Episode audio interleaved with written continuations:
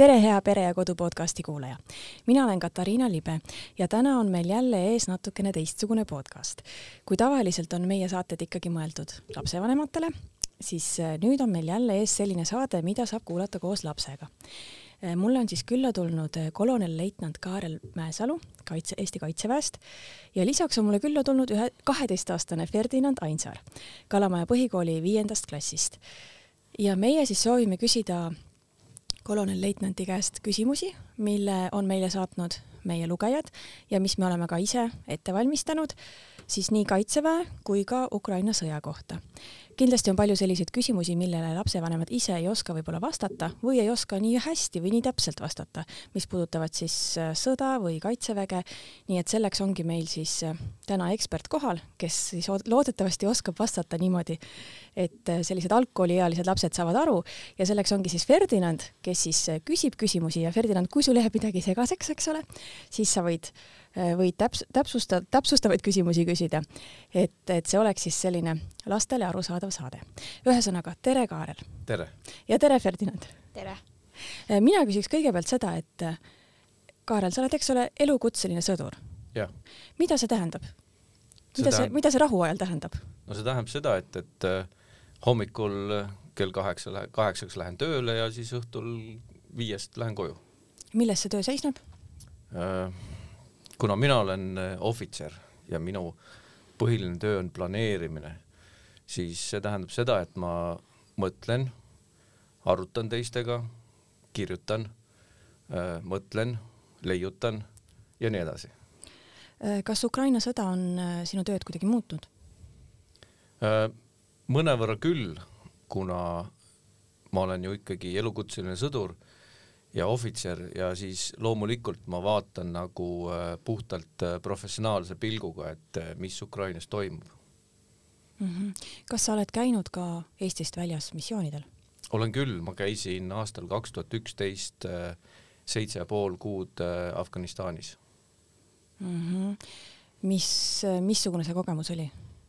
no see oli jällegi huvitav kogemus just professionaalses mõttes, et äh, et äh, ma sain koostööd teha teiste riikide ohvitseridega, äh, ameeriklaste ja äh, brittide ja taanlastega ja, ja, ja me planeerisime päris asju päris maastikul mm. -hmm.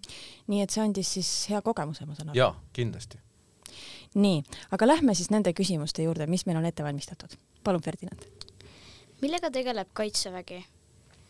Äh, kaitsevägi äh, igapäevaselt tegeleb äh, Eesti kaitsmiseks ettevalmistamisega. aga kui on sõjaaeg, siis me kaitseme Eestit. okei okay.. millised auastmed on Kaitseväes ja miks neid nii palju on? noh, no neid auastmeid on väga palju, alates reamehest, mis on kõige madalam auaste ja lõpetades siis täiskindraliga, mis on kõige kõrgem auaste ja neid auastmeid on vajalik selle jaoks, et noh, põhimõtteliselt, et eristada erinevatel ametikohtadel olevaid äh, kaitseväelasi. ma kutsun neid kaitseväelasteks, sellepärast et et, et sõdur on, on sõdur, kõige madalam äh, nii-öelda kaitseväelane. Ja, ja siis kaitseväelaste hulgas on ka allohvitserid ja ohvitserid, nii et äh, sellepärast ma ütlengi üldiselt, me oleme kaitseväelased kas mida kõrgem auaste sul on, seda rohkem inimesi sa saad kamandada? Äh, jah, saan küll mm. -hmm. täpselt nii ta ongi, et, et, et, et, et nüüd ütleme niimoodi, et kui on seersant, siis tavaliselt seersandi alluvuses on kuskil niimoodi noh, ütleme keskmiselt üheksa inimest. ja, ja kui sa oled kindral, näiteks kaitseväe juhataja, siis sinu alluvuses on siis kogu kaitsevägi, kus on juba öö, sõja ajal mitukümmend tuhat inimest. ja selleks, et järgmist auastet saada, tuleb olla kaitseväes, eks ole, mingi, mingi teatud aeg? Äh, noh, esiteks aeg ja teiseks tegelikult äh, see auastme saamine on seotud äh, nii ametikohaga kui ka tegelikult väljaõppega. et kui sa käid mingisuguse kursuse läbi, siis see annab sulle õiguse saada järgmine auaste ja, ja täita nii-öelda järgmise ametikohaga seonduvaid ülesandeid kui palju mehi ja naisi Eestit ohu korral kaitseb? no äh, päris täpset numbrit ma loomulikult ei tohi öelda, aga ütleme, et äh, circa umbes kolmkümmend kuni nelikümmend tuhat meest ja naist. kui palju tehnikat ja varustust on Kaitseväel? Äh, üsnagi palju, ütleme niimoodi, et jällegi ma ei saa täpset numbrit sulle öelda, sest et meil peab olema ka oma, oma Eesti riigisaladus, aga ütleme niimoodi, et kõigile, kellel on ette nähtud äh, relvastus ja varustus ja sõidukid, need on kõik äh, Eestil peaaegu kõik olemas. aga miks on saladus? sellepärast, et, äh, et vaenlane ei saaks teada, kui palju meil täpselt on, siis ta, siis ta peab kogu aeg ära arvama, siis tal on palju raskem meid nii-öelda rünnata mm. -hmm. Kuidas saab kaitseväkke astuda? noh, kõigepealt pead äh, Äh, minema ajateenistusse. et see on kõige esimene koht, kus saab kaitseväkke sisse astuda ja, ja peale ajateenistust, äh, mis kestab siis äh, olenevalt ametikohast kas kaheksa kuud või üksteist kuud. ja, ja peale ajateenistust saad siis otsustada, kas sa tahad jätkata ohvitseri või allohvitserina kaitseväes. Ja kui tahad jätkata ohvitserina, siis sa pead minema sõjakooli ehk siis tänapäeval nimetatakse seda Kaitseväe Akadeemiaks, mis asub Tartus. ja kui tahad allohvitseriks minna, siis lähed samuti ka Kaitseväe Akadeemiasse, sest seal on ka allohvitseridel eraldi kursused. ma küsiks vahele seda, et äh, on palju selliseid mehi, kes noorena ei ole käinud äh, ajateenistuses, kas tervislikel põhjustel või näiteks nad on ülikooli läinud. kas siis äh, neil on tee Kaitseväkke kinni? Ei ole, et tegelikult tee on kõigile avatud, et kui äh, ta vastab äh, minimaalsetele äh, füüsilistele ja tervislikele nõuetele, siis ta saab alati kaitseväkke siseneda. aga naised? Äh, naised samuti. naistel on täpselt samasugused õigused nagu meestelgi, lihtsalt selle vahega, et, et kui meestel või poistel siis on ajateenistus kohustuslik, siis naistel on see vabatahtlik. Aga miks on üldse Ukrainas sõda? no see on üsna raske küsimus, sellepärast et kõikidel sõdadel on omad põhjused ja, ja, ja ka Ukraina sõjal on oma põhjus. Äh, kui nüüd äh, lihtsustatult öelda, siis äh, lihtsalt üks riik arvas, et, et teisel riigil ei ole õigust omada teatud maatükke ja siis ta otsustas, et läheb sellele riigile kallale kas sõda jõuab Eestisse ka? Äh, ma arvan, et praegu mitte, sellepärast et kõik märgid näitavad seda, et, et äh, niipea Eestisse seda sõda tulemas ei ole. aga see ei tähenda seda, et me ei peaks valmistuma selleks, sellepärast et, et äh, alati peab olema valmis ja näitama teistele riikidele, et Eesti on väga hästi kaitstud ja neid ei ole mõtet rünnata. ja teine põhjus on see, et kuna me kuulume äh, sellisesse organisatsiooni nagu NATO, siis NATO-s on äh, selline äh, põhimõte, et nii nagu D'Artagnanis ja kolmes musketäris, kui oled seda lugu kuulnud, et, et üks kõigi, kõik ühe eest. et me oleme nagu ühes suures sõbralikus kambas ja kui ühele tehakse liiga, siis teised tulevad talle appi. miks Eesti läheb praegu Ukrainale appi? Ehm, see on nüüd jällegi päris raske küsimus, aga, aga ähm, tegelikult ta ei saa appi minna sellepärast, et esiteks Ukraina ei kuulu NATO-sse ja sellepärast meil ei ole nagu seda ka kohustust teda aidata äh,. Muidugi väga-väga tahaksime teda aidata, aga, aga kuna äh,, kuna kui Eesti läheks praegu Ukrainale appi sõjaliselt, siis sellisel juhul äh, on oht, et, äh, et äh, me kuulutame ka, ka Venemaale sõda ja seda me ei tahaks, sest et meie tegelikult keskendume ikkagi oma Eesti kaitsmisele. Et aga Eesti on aidanud teistmoodi, et Eesti on saatnud äh, hädavajalikke relvi ja varustust Ukrainale, mis samuti aitab tegelikult Ukrainat väga palju aga kuidas saaks veel äh, abistada Ukrainat? no äh, Ukrainat saab abistada sellega, et, et äh, et kui äh, näiteks äh, kuulutatakse, et oleks vaja koguda kokku selliseid mänguasju lastele või, või, või selliseid vajalikke toiduaineid või, või äh, hügieenitarbeid, siis neid võiks sinna kokku kogumispunkti viia ja need lähevad siis Ukrainasse, et aidata sealseid inimesi. Näiteks äh, oli üks lugu just hiljuti, kus kaks poissi täiesti vabatahtlikult läksid poodi, ostsid kommi ja küpsiseid ja ja muid selliseid maiustusi ja tahtsid nagu Af äh, Ukrainasse saata. nii et ka lapsed saavad aidata? jaa, kindlasti. miks on Eesti NATO-s? Eesti on NATO-s sellepärast, et, et äh, me oleme üsna pisike riik ja, ja Äh, meie kõrval on äh, üks, üks hästi suur, suur riik nagu Venemaa ja, ja kuna me ei ole kunagi kindlad, et, et mis, äh, mis nii-öelda Venemaa ähm, juhtidel mõttes on ja selleks, et me oleksime alati vabad, siis me otsustasime, et me liitume NATO-ga, mis on selline suurem äh, äh, organisatsioon ja millest ma enne ütlesingi, et, et mille põhimõte on see, et üks kõigi, kõik ühe eest. sellepärast, et, et NATO-s on samasugused äh, väärtused nagu, nagu meil Eestis, et me tahame olla vabad, me tahame olla sõltuvatud, me tahame kaitsta oma keelt ja oma, oma riiki ja vabadust ja, ja sellepärast me koos otsustasime, et nüüd me, me teeme seda kõik koos äh, ühe suure organisatsiooni liikmena. millal NATO loodi ja millal Eesti astus NATO-sse? NATO loodi tuhande üheksasaja neljakümne üheksandal aastal ja Eesti astus sinna kahe tuhande neljandal aastal mm. -hmm. hästi. nii, mina küsiks nüüd äh, seda, et äh, mis on lennukeelutsoon ja miks sellest nii palju räägitakse viimasel ajal ähm,? lennukeelutsoon on selline äh,, lihtsamalt öeldes selline mull ümber teatud maa-ala, kus äh, äh, vaenulikult meelestatud äh, lennukid ei tohi lennata. Et kõik, kes sinna sisse lennavad, lendavad, siis need lennukid lastakse alla mm. -hmm. ja ma saan aru, et äh, Ukrainale, Ukraina soovib, et seal kehtestataks lennukeelutsoon, aga miks ei saa kehtestada seal lennukeelutsooni?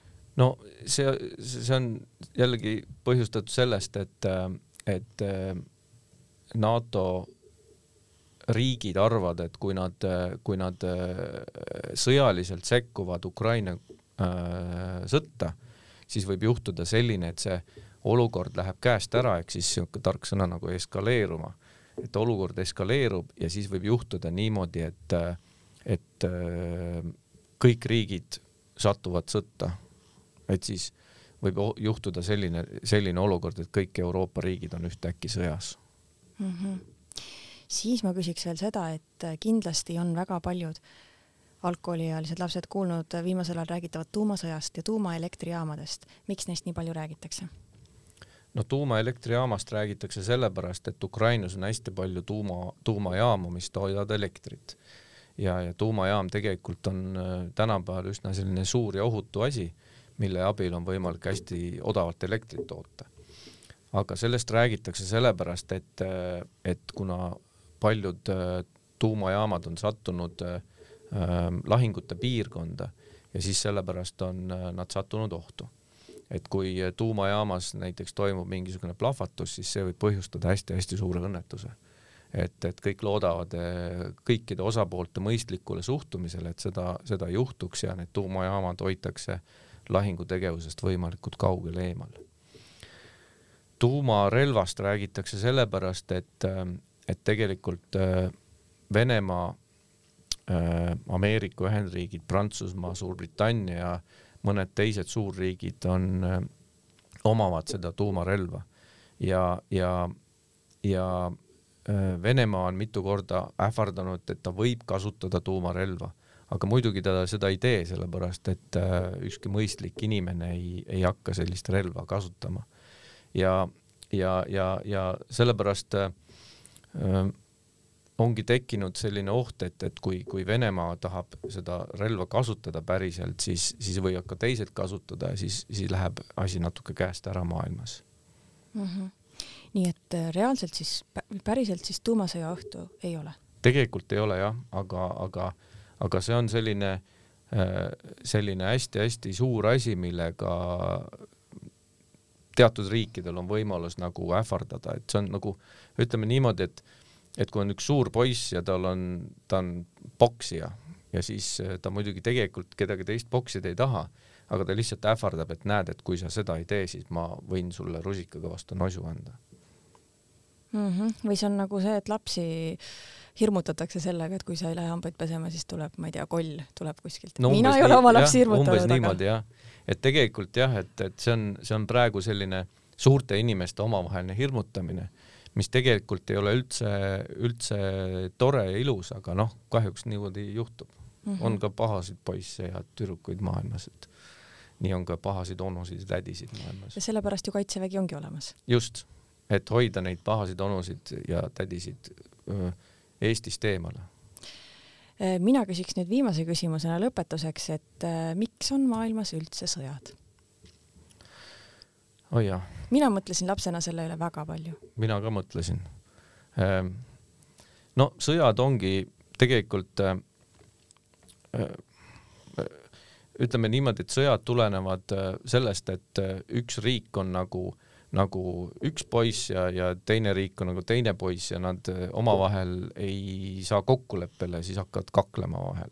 et see on nagu, nagu, nagu sõda suurte inimeste moodi ja, ja sõdade põhjused on nii-nii erinevad, et äh, näiteks, et mõned riigid võivad omavahel kiskuma minna sellepärast, et, et üks riik ehitab, äh, ütleme, et kahel riigil on äh, omavahel, omavahel jagada üks jõgi ja üks riik näiteks jõe ülemjooksul ehitab tammi ette ja teine riik näiteks saab selle võrra vähem vett endale. ja, ja kuna vesi on sellistes kõrbepiirkondades väga oluline siis, siis teisele riigile ei meeldi see, et ta tahab, et see tamm lõhutakse ära ja kui nagu see üks riik ei kuula, siis nad lähevad omavahel kiskuma, et et see on näiteks üks põhjus, miks sõdad võivad mm. juhtuda. kes on näinud äh, Tõe ja õiguse filmi või siis lugenud Tõe ja õiguse raamatut, siis ja. seal käis samamoodi. samamoodi. kraavide ja, ja tammidega. just, et, et see on kõige parem näide, kuidas sõjad hakkavad eh,. hästi, kas sinul, Ferdinand, jäi midagi äh, selgusetuks, kas sa tahaksid midagi veel küsida? Ma arvan, et ei taha. et ei taha, et jäi. aga mina küsiks tegelikult veel, et kuidas sinust, Kaarel, sai kaitseväelane äh,? minust sai kaitseväelane äh, läbi selle, et ma olin ajateenistuses ja, ja ma nägin, et, et äh, kaitsevägi on selline põnev koht, kus, kus saab äh, tegeleda sellise huvitavate asjadega ja siis ma otsustasin kaitseväelaseks saada.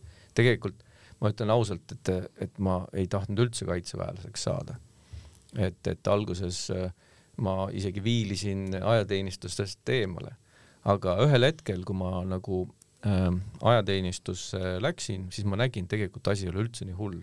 et need hirmud, mis mul enne ajateenistuse ees olid äh, täiesti põhjendamatud ja näed, siin ma olengi peaaegu kolmkümmend aastat hiljem ikka veel kaitseväes mm. -hmm. nii et sa soovitad äh, poistel mitte viilida kõrvale ajateenistusest, jah äh,?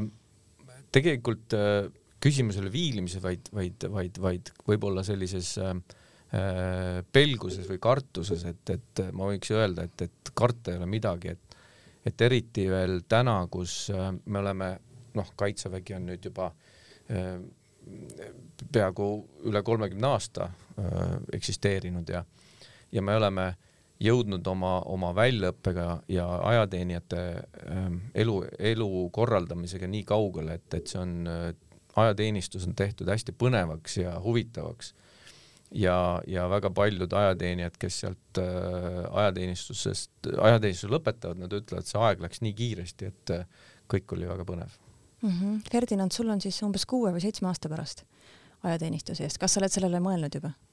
olen jah mõelnud, et vist on raske, aga ma ei tea, pole seda kogenud ja loodan, et pole väga raske mm. -hmm. sa ei ole mõelnud veel viilimise peale? ei, seda ei ole. no väga äge. kaitseväes on ka väga huvitavad äh, relvad, et näiteks liikursuurtükid, mis tulid, et et, et äh, seal on väga-väga põnev tänapäeval ja midagi rasket kindlasti ei ole. kui sul on kehaline kasvatus äh, enam-vähem neli-viis, siis saad hakkama ilusti. väga tore, aitäh, Kaarel, aitäh, Ferdinand! aitäh! Aitäh, armas kuulaja, et sa meid ära kuulasid, loodan, et said koos lapsega targemaks. järgmine saade on üleval nädala pärast ja ma loodan, et äh, üsna pea salvestame jälle sellise toreda saate, mida saab kuulata koos lastega